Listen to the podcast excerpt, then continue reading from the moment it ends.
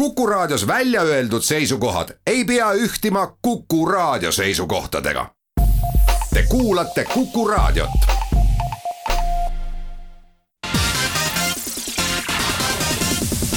nädala Tegija.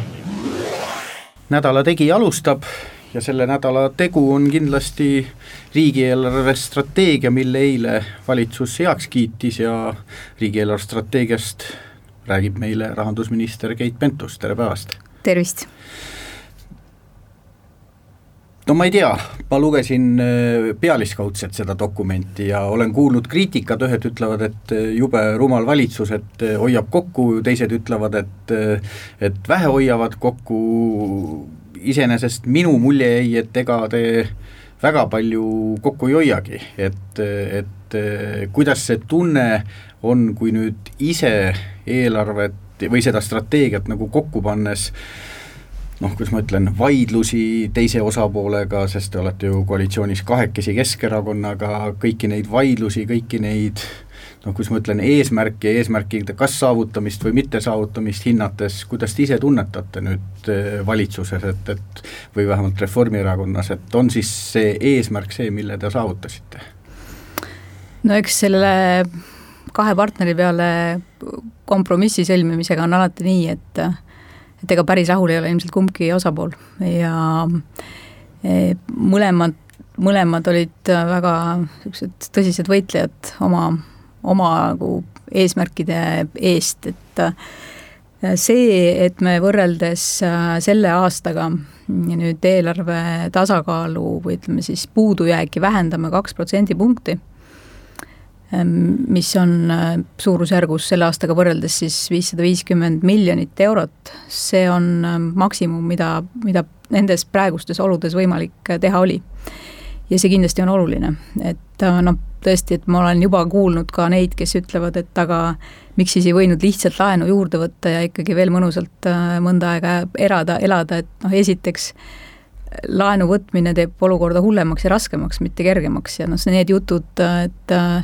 et on tasuta raha kuskil või et laenu ei pea kunagi tagasi maksma, need on kõik sellised äh, fantaasia valla, valda kuuluvad, et äh, laen tuleb tagasi maksta ja, ja noh, praegu näiteks mm, lihtsalt äh, kuulajatele võib-olla nagu selgituseks tuues, sel aastal me maksame siis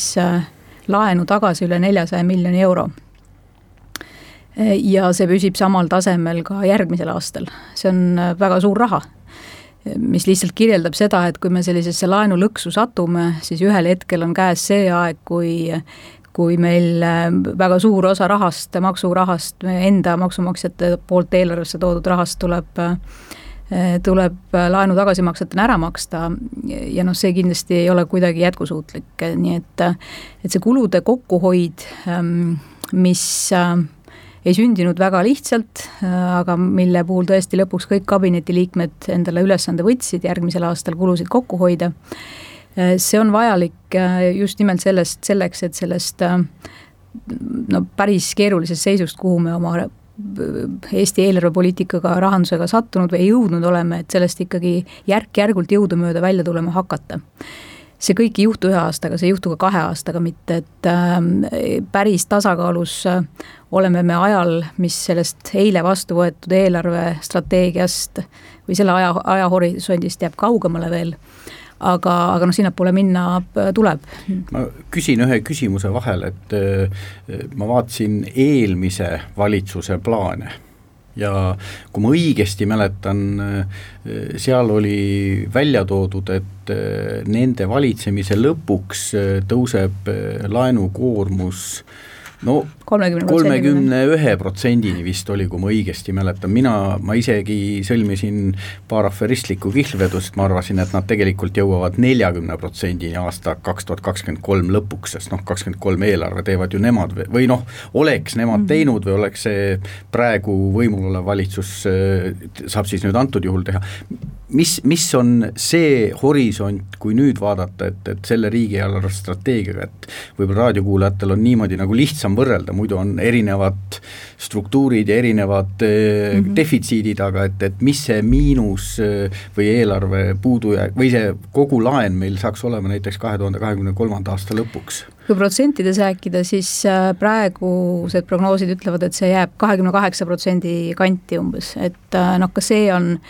lihtsalt noh, nagu kirjeldus sellest, kuidas näiteks sel aastal me juba ikkagi oleme seadnud endale eesmärgiks võtta laenu juurde vähem, kui see alg-, eelmise aasta lõpus äh, Riigikogus eelmise koalitsiooni poolt veel vastu võetud eelarves äh, nagu ette nähtud on, just sellepärast, et, äh, et ikkagi nagu jupp jupi kaupa järk-järgult seda koormust vähendama hakata, aga noh, see on ikkagi, on see päris kõrge. Ja äh, noh, raadiokuulajale võib-olla siin see meeldetuletus, et veel mõned aastad tagasi meie riigi laenukoormus oli suurusjärk kümme protsenti. alla kümne jah, kuus-seitse. tänasel hetkel tõuseb ta noh, nüüd, nüüd, nüüd see korrektsiooni järgi kahekümne kaheksale protsendile, aga piltlikult öeldes viie aastaga umbes laenukoormus mitte ei mitmekor-, mitme, mitte ei kahekordistunud, vaid kolme-neljakordistus jah, see nii on, et kui me samas tempos oleksime jätkanud, siis, äh, siis me oleksime noh, jõudnud üsna kiiresti sellise võla äh, toppi Euroopa Liidus ja see on vastupidine sellele, mida me ikkagi üldiselt Eesti sellise noh, ikkagi mõistuspärase eelarvepoliitikaga oleme ju pikalt püüelnud, nii et ja noh, eks see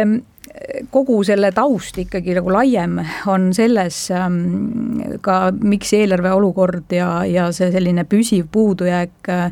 nagu topeltmurelikuks teeb, on, on äh, see pilt, mis meil üldiselt ka tööjõuturul ju vastu vaatab natuke pikemas perspektiivis, et me teame seda, et äh, tööeas inimesi jääb, on Eestis järjest vähem. Mm, see tähendab seda, et järjest vähem on neid inimesi, kes on tööeas ja kes oma maksudega kogu äh, siis meie riigi äh, mitte ainult riigiaparaati, aga kõik, kõiki teenuseid, äh, kõiki kulusid finantseerima ja ülal pidama peavad. ja seetõttu noh, ma ütlen ikkagi, et ka kulude ülevaatamine, nende kohtade leidmine, kus on võimalik kas reformide tulemusel siis asju ümber korraldada nii, et dubleerimist oleks vähem, ja, või, või siis üldse üle, ka üle vaadata poliitika sisu pool, mida on tehtud mõne koha peal aastakümneid täpselt nii, nagu nad, nagu nad kunagi, ähm, kunagi alguse said. et kas see on praeguses päevas enam põhjendatud, kas, kas see täidab seda eesmärki, mida ta võib-olla täitis viisteist aastat või kakskümmend aastat tagasi, et tänaseks on need eesmärgid vast muutunud et see on see põhjus, miks seda tuleb teha ja, ja miks kulude kokkuhoid äh, omakorda ikkagi ei aita mitte ainult neid hetke, selle aasta järgmise aasta muresid lahendada. aga pikemas vaates äh, ikkagi aitavad vähendada ka seda survet, mis muidu paratamatu tuleb, paratamatult tuleb maksutõusude näol. kui kulud järjest-järjest äh, kasvavad, kasvavad kiiremini või kasvaksid kiiremini kui majandus, siis see tähendab lihtsalt, et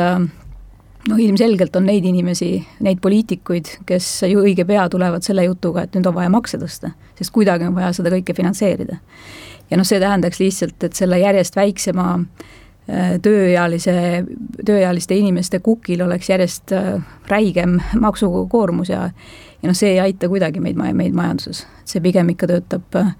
pikkadele eesmärkidele vastupidises suunas. nädala Tegija nädala Tegija jätkab, saates külas rahandusminister ja loomulikult saatejuht peab vabandust paluma Keit Pentus-Rosimannus, et äh, juhtub. kahjuks on nii, et saatejuhil, kui tuttava inimesega räägib, siis tekib kõnekramp rohkem kui võõra inimesega rääkides ja nimed kipuvad ka meelest ära minema. räägime riigieelarve strateegiast ja natukene äh,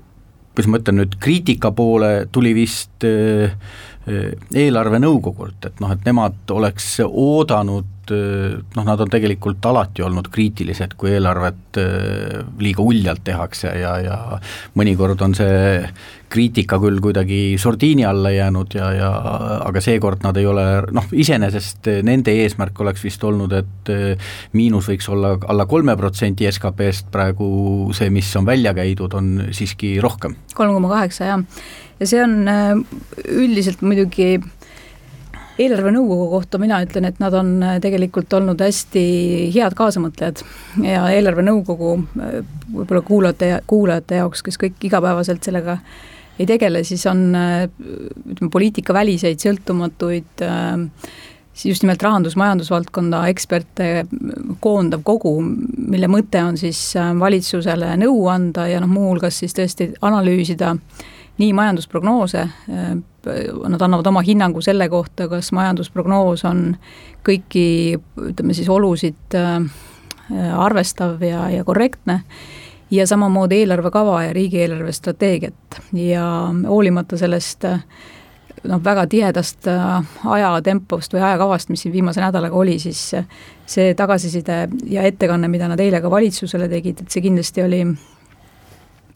oli vajalik ja, ja ma arvan, et mõne jaoks ka kainestav, et et eelarvenõukogu ähm, tõesti ütleb, et, äh, et sügisel, kui me hakkame tegema detailset kahe tuhande teise, kahekümne teise aasta eelarvet, peaks äh, täiendavaid kokkuhoiukohti leidma suurusjärgus kakssada kuni kakssada kolmkümmend miljonit eurot. Ja noh, nagu teada, siis teisel poolel on need, kes ütlevad, et äh, üldse ei oleks tohtinud äh, midagi kokku hoida ja vastupidi, et äh, rohkem tuleks üle jõu elada ja, ja veel suurema hooga. et ma arvan, et see tasakaal iseenesest selle kahe seisukoha vahel noh, ilmselt ongi see, mis praegu võimalik oli ja ja noh, meie eelarvenõukogu argumentatsioon iseenesest on väga arusaadav. et kui me vaatame üldse ka teisi Euroopa Liidu riike, eelkõige Eurotsooni riike, siis praegu ikkagi kõik Eurotsooni äh, riigid vähendavad oma puudujääki järgmisel aastal, mida teeb ka Eesti, kokku siis kaks protsendipunkti. Ähm, aga, aga jah, eelarvenõukogu ütleb, et see kiirus peaks olema veel suurem, kui me tasakaalu poole liigume ja, ja no eks praegune olukord, kus ähm, kus eelarvereeglid ju kriisi tõttu Euroopas ei kehti, see tähendab, et need äh, kriteeriumid ähm, ei ole nii jäigad või, või noh, neid tegelikult ei ole üldse, mis puudutavad nii laenu võtmist kui siis tasakaalu, aga need on kehtestatud kriisi ajaks ja juba ka praegu kui me kohtume Euroopa Liidu ja Eurotsooni rahandusministritega, siis juba ka praegu ikkagi räägitakse või ütleme siis nagu arutatakse selle kuupäeva üle, mis hetkest need äh, eelarvereeglid uuesti kehtima saavad. Ja kui me enne seda oleme selle augu nii sügavaks kaevanud, et me siis peame ühe hetkega äkki äh, hopsti tasakaalu jõudma, noh siis see ka kõige rangematele eelarve kokkupanijatele kindlasti lihtsalt oleks üle jõu käiv ülesanne, nii et äh, aga jaa, eelarvenõukogu äh, selline arvamus on äh, on kindlasti asi, mida tasub väga tõsiselt võtta. see Euroopa reeglite tagasitulemisest äh, hästi lühidalt rääkides, et seal ju tegelikult on seesama kolme protsendi nõue noh, kuidas ma ütlen, absoluutse maksimumina kirjas, et, et, et pigem nad on isegi pahandanud riikidega, kes tavaoludes noh, jäävad alla kolme, aga on ikka pahandada saanud, et liiga palju tahate raisata, aga noh, kolm on seal ju absoluutne selle, millega sa saad automaatselt musta nimekirja piltlikult öeldes. ja just, kolm on see, mille puhul siis äh, käivitub äh, üleliigse defitsiidi noh, see kõlab jube bürokraatlikult ülelise, üleliigse defitsiidi menetlus, aga sisuliselt tähendab see seda jah, et, et kui riik ise ei suuda kokku hoida, siis, siis kehtestatakse talle reeglid väljaspoolt ja noh, sellisesse olukorda ei tahaks mitte mingil juhul Eestiga sattuda. ja praegu see, mida me oleme arutanud siis Euroopa Liidu rahandusministrite nõukogus, on, on siis see loogika, et kui Äh, kriisist väljuv majandus konkreetses liikmesriigis jõuab uuesti tagasi kriisieelsele tasemele, äh, siis tulevad tagasi ka eelarvereeglid. Ja no meie enda majandusprognoos ütleb praegu, et Eesti peaks jõudma majandus või siis jah, ütleme kriisieelsele tasemele selle aasta lõpuks, järgmise aasta algusest, alguseks umbes, nii et äh, järgmise et aasta see... eelarve peaks juba noh, nii ja naa olema selle Just. ütleme, reeglitest lähtuv. just just nii see on, aga, aga noh, eks see jah, nagu öeldud, et need praegused olud eh, no üldiselt ka riigieelarve strateegias on meil see põhimõte, mida mina pean väga oluliseks, mille me, milles me suutsime kokku leppida, et riigieelarve strateegia aastatel kulud ähm, peavad kasvama vähem ja aeglasemalt, kui kasvab majandus, et me ei teeks seda kulurallit, mis äh, mis on väga lihtne tulema, sest et alati on ju mugavam ja, ja alati on lihtsam muudkui aga kulusid juurde panna. poliitik on alati hea olla. ja tasuta asju jagada, kes siis tahab pärast hakata kulusid kokku hoidma küsin maksude kohta, siin juba jutu algul sul käis läbi ka see, et noh, et lõppude lõpuks igasugune üle jõu elamine on surve maksudele. selle koalitsiooni lubadus oli, et on maksurahu. samal ajal noh, vahel ikka ühiskonnas tekivad mingid kohad, kus öeldakse, et võiks mingeid makse kehtestada ja noh, iseenesest mingid ma ei oska öelda, automaksud või kinnisvaramaksud iseenesest eh, oleks ju täiesti mõeldavad ja loogilised, kui noh, ütleme, et ma ei taha nüüd, mina kindlasti ei ole inimene, kes uusi makse või maksukoormuse suurendamist tahab, aga ma kujutan ette, et näiteks kui neid mingite täna kehtivate maksude asemele tekitada, et siis selle üle võiks täitsa mõelda, et noh, ma ei tea, kinnisvara, meil ei ole isegi maamaksu paljudel äh, elanikel, aga noh, teenuseid ikka tahetakse, eks ju, et, et kas selle valitsuse ajal saavad nüüd kõik ma ei tea, maaomanikud või ükskõik kes täiesti rahulikud olla, et jah, ühtegi maksu meil plaanis ei ole, see on üks küsimuse pool ja teine on see, et kas samal ajal kuskil näiteks Rahandusministeeriumis noh, riigieelarve strateegia on aastani kaks tuhat kakskümmend viis, aga elu läheb sealt ka edasi, et noh, et konkurentsis olla, noh, ma ütlen ausalt, et tööjõumaksud tulumaks pluss äh, sotsiaalmaks pluss nipet-näpet sinna veel juurde, need tegelikult on noh, täna Eestile juba sellised, et konkurentsis no me ei ole väga konkurentsivõimelised noh, et kas on ka mingi selline töögrupp, kes võib-olla siis noh, ma ei tea, ametliku asja kõrvalt mõtleb ka, kuidas asju ümber tõsta, et noh, iseenesest see rahandusministri töö võiks olla. jaa, siin oli nüüd kaks osa küsimusest, et kõigepealt tõesti selle valitsuse ajal uusi makse kindlasti ei tule, et selles me oleme küll üksmeelel olnud ja kokku leppinud ja ja no eks nende uute maksudega on ikkagi ka nii, et ähm, no mulle endale tundub, et see selline nagu esimene reaktsioon kulude katmiseks uusi makse kehtestada, ma ei räägi sellest ja, sinu sissejuhatusest, aga, aga, aga laiemalt, et see on selline, ta on nagu hästi lihtne ja kõige laisem reaktsioon, mis olla saab, et selle asemel jällegi, et kui rääkida kulude ülevaatamisest või nende sisse harjunud inertsist edasi tehtavate poliitikatega jätkamisest või nende paremini sihtimisest, ümberkujundamisest, siis selle asemel on noh, hästi lihtne osadele poliitikutele öelda, et aga ma ei tea, teeme X maksu, eks ole, mingi uue maksu ja küll see raha tulema hakkab. aga, ja noh, ikkagi enamasti seda tüüpi äh, poliitika ütleme, suuna või poliitikute poolt, ega nad ei räägi sellest, et peaks midagi asendama, vaid ikka täiendavalt uusi makse peale panna. ja noh, see ei lähe mitte, et, äh, et nagu sa ka ise ütled, siis tegelikult äh, eelkõige tööjõumaksude tase on meil praegu juba ikkagi, tegelikult on kõrge. on väga ja, kõrge ja mis küll on, äh, ma arvan, et mõistlik ja vajalik, on see, et ma loodan, et äh, nüüd kahekümne kolmanda aasta valimiste eel mm,, mitte nüüd päris selliste nagu valimis noh, vahetu valimiseelsel ajal, kui kõik on ka parata, paraku nagu taandub selliste loosungite tasemele, vaid enne seda selline sisuline arutelu ja debatt just nimelt äh, nagu maksusüsteemi ja üldse laiemalt riigi ülalpidamise, sellise rahastamise äh, tuleviku üle käima hakkab. Ja, ja ka mul jah, Rahandusministeeriumis ähm, on ähm, kokku tulemas äh, üks selline ütleme, poliitikaväliste ja ametnikeväliste ähm, mõtlejate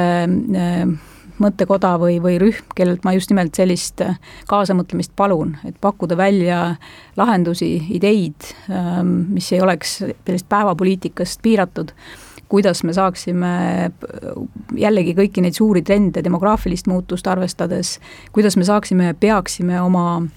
siis äh, maksusüsteemi äh, tulevikus kujundama siinkohal kuulame korraks reklaami, uudiseid, jätkame juttu rahandusminister Keit Pentus-Rosimannusega pärast seda. nädala Tegija. nädala Tegija jätkab, räägime riigi eelarvestrateegiast ja loomulikult rahandusminister Keit Pentus-Rosimannus on meil külas. rääkides nüüd sellest riigieelarve strateegiast ja noh, ka eelarvetest, mida te ühel hetkel peate hakkama kokku panema, et need on ju omavahel tegelikult seotud asjad, kui palju noh, on teada, on juttu olnud, et, et varasem eelarve oli väga selgelt nagu üles pumbatud, aga kui, kui suured eh, olid need, kuidas ma ütlen, miinid, mis teile sisse olid jäetud ja teiselt poolt ka selline küsimus, et teie hea partner Keskerakond oli ju ka eelmises valitsuses, kas mingid asjad on ka neile üllatused või on nii, et nad nüüd lihtsalt kohanevad uute oludega? Ja ega Keskerakond ei ole ka väga äh, õnnelik olnud selle pärandi üle, mis, äh, mis eelmine rahandusminister äh, Martin Helme siis sellesse majja jättis ja, ja no riigi eelarvestrateegia ja tegelikult ka siis eelarve ikkagi selline kokkupanemise vedaja on paratamatult rahandusminister, et et see tõesti nii on, et selles eelmise kevade või tegelikult eelmisel kevadel nad ju eelarvestrateegiat ei teinud, sest oli eriolukord, et selles mõttes on, on praegune aasta esimest korda, kui me keset kriisi peame lahendama nii kriisi kui tegema eelarvestrateegiat. aga see siis nagu viimane eelmise valitsuse poolt vastu võetud eelarvestrateegia oli üks väga kummaline dokument ses võtmes, et et seal oli sees kokku miljardi jagu asju, mida ei ole olemas, ehk siis nagu õhku lihtsalt. unistusi? isegi mitte unistusi, aga jah, noh, ma ei tea, et selles mõttes oli see kirjutatud äh, sellise piduliku re eelarve revisjoni nime alla või siis kärbete nime alla, ma vaatan, et praegu Martin Helme on siin olnud väga kriitiline äh, selles, selle suhtes, et kulusid kuuekümne miljoni eest kokku tõmmatakse, no tema enda eelarvestrateegias oli, oli see õhku kirjutatud äh, kokkuhoid miljard. et temaga on jah see häda, et kära on palju, aga, aga vilja on vähe, et et see suur kära jah, selle noh, mitte, mitte reaalse kokkuhoiu üle tegi meie praeguse valitsuse elu kindlasti veel raskemaks, sest et äh, lisaks sellele, et me pidime siis äh, sellest ütleme, kriisiga tekkinud miinusest äh, aitama riiki välja, siis äh, see täiendav miljard veel lisandus sellele. Ja, ja see jah, tegi kindlasti seisu veel keerulisemaks, aga noh, mis siin nagu seda saab ainult nentida ja ega sellega, sellega polnud mul selles mõttes midagi teha, et see ülesanne tuli lahendada lihtsalt ja, ja tuli leida võimalused, kuidas seda päris nukras seisus äh, pilti siis parandada riigikaitsekulud on üks asi, mis Eestis on äh, suhteliselt sümboolse väärtusega, siin isegi kunagine mitmekordne peaminister Mart Laar ärkas talveunes unest, vaatas, et tema oma erakonna siseasjad teda üldse ei huvita, aga, aga siis kirjutas, et Reformierakonna juhtumisel on peaaegu NATO-st, ma ei mäleta, kuidas see täpne väljend tal artiklis oli, aga et noh, et äh, asi, päris kole asi on juhtumas, et NATO-st hakkab, hakatakse peaaegu välja mhm. viima ja et alla kahe protsendi ja et, et nüüd on ikka riigikaitsekulud löögi all. mis see seis on nende riigikaitsekulutustega? Mart Laar on iseenesest ju sümpaatne inimene, tore inimene, aga, aga selle kirjutise ta kirjutas ka enne, kui kui eelarvestrateegia üldse valitsusele veel esitatud oligi, et äh, kaitsekulude, kaitsekuludega, riigikaitsele mineva rahaga äh, on esiteks nii, et äh, meie lubadus, mida me oleme andnud, kaks protsenti vähemalt kaitsekuludele, on noh, ma ütleks Aamen kirikus ja seda tuleb täita ja seda täidet, täidame me ka kõikidel riigi eelarvestrateegia aastatel. ja kui nüüd konkreetsemaks minna, siis rahasumma, mis riigikaitsele järgmistel aastatel läheb, on igal riigieelarves aastal eraldi võetuna suurem, kui ta on sel aastal ja mitte vähe suurem. et kui sel aastal on, on siis riigi kaitsekulutused äh, suurusjärguna kuussada nelikümmend viis miljonit eurot, siis järgmisel aastal on see summa äh, peale seitsmesaja miljoni nii et, ähm, et jah, sellist äh, nagu kriitikat tasub teha seal, kus see on põhjendatud, et äh, mulle noh, ausalt öeldes isegi oma praegust ametit kõrvale jättes see üldse ei meeldi, et et mängitakse mingi sisepoliitilise noh, ma ei tea, lo-, lootuses sisepoliitilisi punkte koguda selliste oluliste teemadega, kui faktid kinnitavad vastupidist ja, ja lihtsalt üsna süüdimatult nagu levitatakse asja, mis ei vasta tõele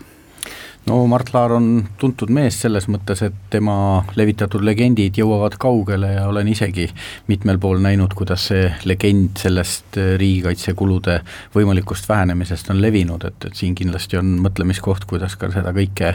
valitsusel paremini selgitada ja, ja välja tuua. aga räägime natuke palgatõusudest, et äh, ka siin on noh, on kriitikuid, et kolm protsenti polegi nagu midagi, teiselt poolt on kiitjaid, kes ütlevad, et noh, sümboolselt on see igal juhul positiivne, et teatud elualade eh, noh, kuidas ma ütlen,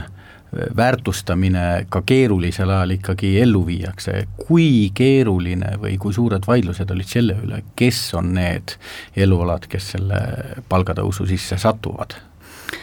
Selle üle isegi ei olnud väga suuri vaidlusi, sest et äh, see, et õpetajad, politsei, pääste, äh, kultuur, kultuuritöötajad, tegelikult ka sotsiaaltöötajad on ikka kriisi ajal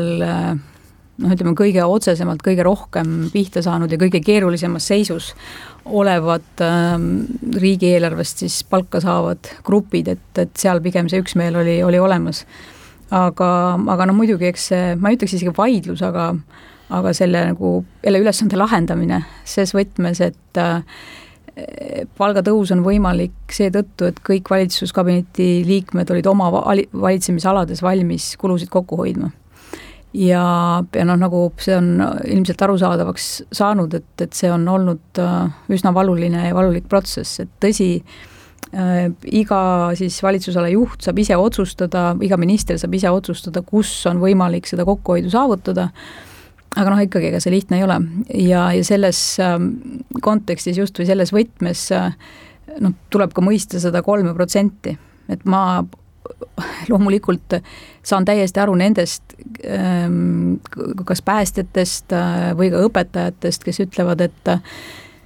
et äh, nad on tegelikult teinud ületunde, neil on töö äh, kindlasti ei ole läinud kriisi ajal lihtsamaks, ikkagi vastupidi äh,, ja kolm protsenti palgafondi kasvu, no mis võib, see ei tähenda seda, et kõigil ühtlaselt on kolm protsenti palgakasvu, võib lõpuks olla nii, et et ütleme, kõige keerulisemas seisus olijatele tõus, tõuseb palk rohkem, mõnes kõrgemas, kõrgema palgakategoorias vähem äh,, aga et see kolm protsenti on vähe ja noh, tuleb lihtsalt möönda, et see oli maksimum, mida praegu oli võimalik teha. suurem ja väga oodatud palgatõus oleks tähendanud ka suuremat kokkuhoidu ja ja noh, see lihtsalt äh, oleks paljudes valdkondades käinud üle jõu praegu kõige keerulisem koht oli vist haridusministril, mulle tundub, et äh, tema pidi noh, ma ei tea, kunstlikult selline vastandumine tekkis nüüd, et, et huvihariduse osa väheneb, kas sul on meeles, millal huviharidus üldse riigieelarvesse tekkis?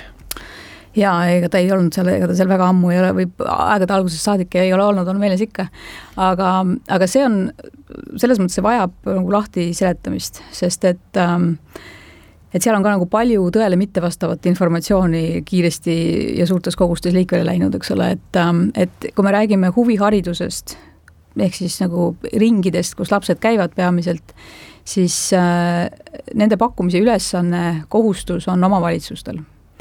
omavalitsused teevad seda äh, eelkõige siis äh, ütleme, riigieelarve kaudu nendeni jõudva äh,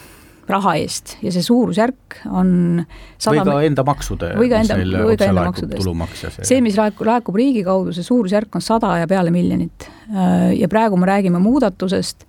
äh, mille suurus äh, on siis seitse miljonit eurot, ehk siis üle saja miljoni on see, mis jääb jätkuvalt omavalitsustele kasutada aga lisaks sellele ja, ja miks ta, ka haridusminister nägi võimalust seal, sealt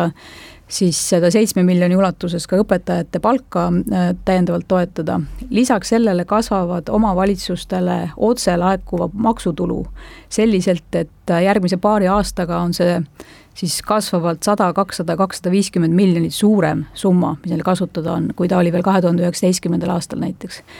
ehk siis kakssada miljonit tuleb raha juurde ja selle eest on võimalik äh, mitte, mitte mingit ühtegi ringi ära jätta, vaid vastupidi on võimalus ikkagi ka omavalitsustel huviharidust äh, ja selle pakkumist laiendada. nii et, ähm, et jah, hästi lihtne on sellisest mõnest ähm, noh, mitte kõige täpsemast üksikust infokillust äh, keerata üles väga palju sellist ähm, tolmu, mis, mis tegelikult mahasettimisel selgub, et oli asjata siinkohal kuulame korraks reklaami, jätkame juttu Keit Pentus-Rosimannuse, meie rahandusministriga pärast seda.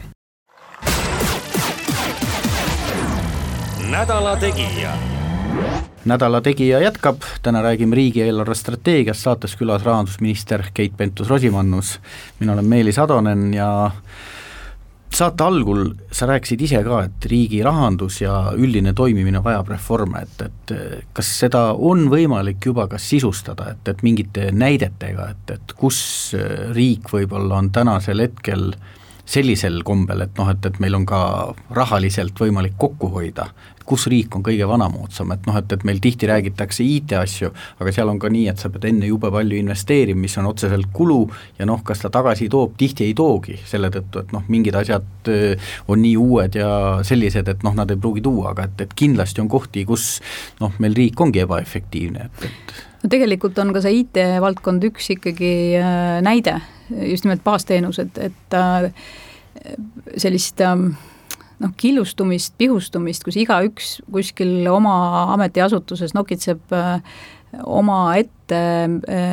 ja selle tulemusena kokkuvõttes ikkagi kulub rohkem raha, kui ta oleks siis, kui, kui ta käiks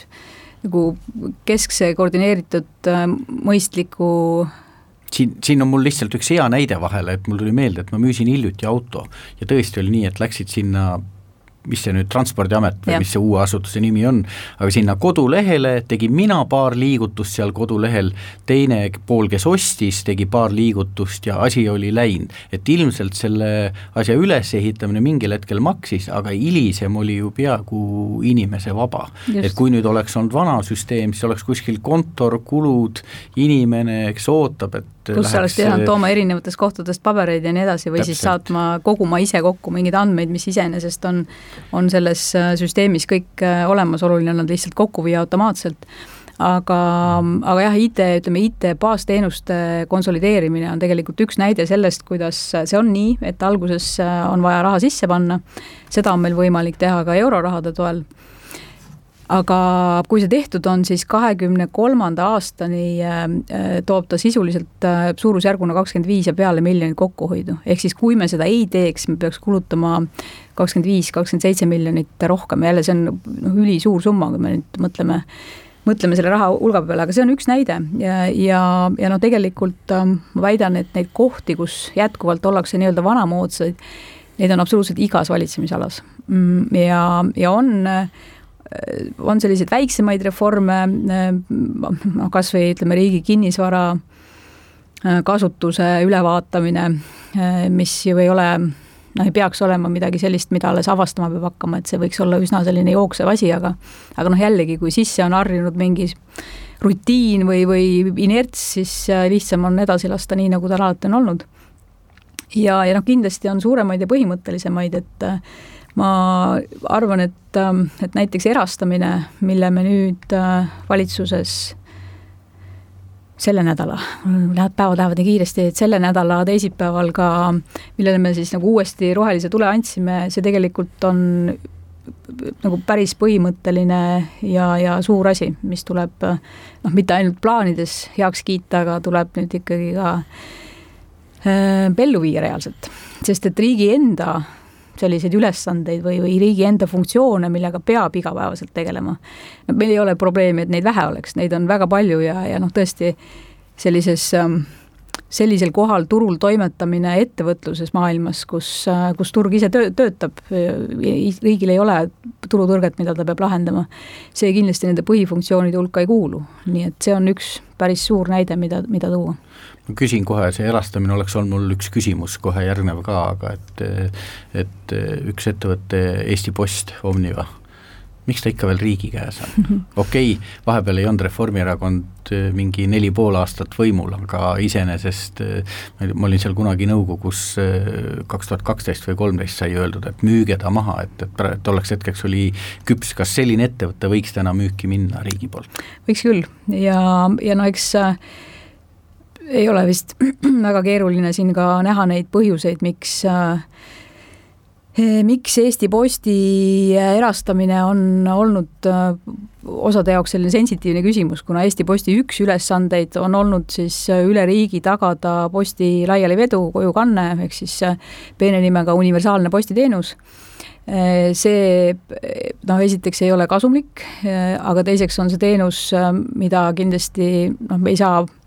keegi ei taha minna põhjendama, miks seda teenust ühel hetkel äh, keskustest kaugemal äh, kvaliteetselt ei osutata, et no täna äh, peab riik olema... ise põhjendama kogu see aeg, sest noh, asi läheb hapuks ka siis, kui ta on riigi käes. aga noh, see peab olema tagatud ja, ja, ja noh, see on, ma arvan, et see esimene osa sellest ülesandest, mis ära lahendada tuleb, ja tõsi on, et Eesti Post praeguseks ikkagi tegutseb väga noh, edukalt ja, ja väga palju juba kohtades, kus, kus tegelikult eraturg noh, toimib ja, ja mis on selgelt turuteenused, mis ei ole seotud lihtsalt kirjade äh, laialikandmisega või, või ka kohalike lehtede laialikandmisega. nii et äh,, et ega mingit äh, sellist äh, noh, ütleme strateegilist või julgeolekuga seotud põhjust, miks Eesti Post peab olema riigi omanduses, äh, toon praeguseks väga, väga keeruline leida ja neid, äh, neid näiteid on veel, et kui me teisipäeval põhimõttelise otsuse tegime nelja ettevõtte kohta, see on siis Enefit Green, kus, kus IPO kaudu oleks võimalik kaasata erakapitali ja tegelikult anda kõigile ka, ka jaeinvestoritele võimalus sellest äh, taastuvenergia arendamisest osa saada. Äh, see on üks osa, aga siis äh, täiendavalt Operail, aktsiaselts Operaili mittestrateegiline osa, mis tähendab siis see osa, kuhu jäävad kaubavedu Soomes, vedurite ehitamine, vagunite remont ka noh, iseenesest ei ole mingit loogikat, miks see peab riigi omanduses olema, kui turg toimib. Teede Tehnokeskus, eh, mis siis on selline ettevõte, mis osutab sellist uurimise ja analüüsi noh, teenust tee, tee-ehituse juures, aga jällegi ei ole, ei ole tegu nagu ettevõtlusvormiga, kus saab toimetada ainult riik, et et ei ole vajalik selle omanduse hoidmine. Ja, ja siis pärast eeltööd ka Levira kus äh, noh, samamoodi, mida on, mida on proovitud äh, müüa ka päris äh, no see oli vist ükskord, tõmmati päris viimasel hetkel pidurit, üks, üks minister ärkas seal järsku. oli, oli mure tekkis ootamatult jah, või äkki teletorniga, et aga selle mure me proovime sel korral enne viimast hetke ära lahendada, nii et ja noh, seal on siis praeguseks juba nii, et riigile kuulub viiskümmend üks protsenti, nii et me ei ole selle ainuomanik enam. Ja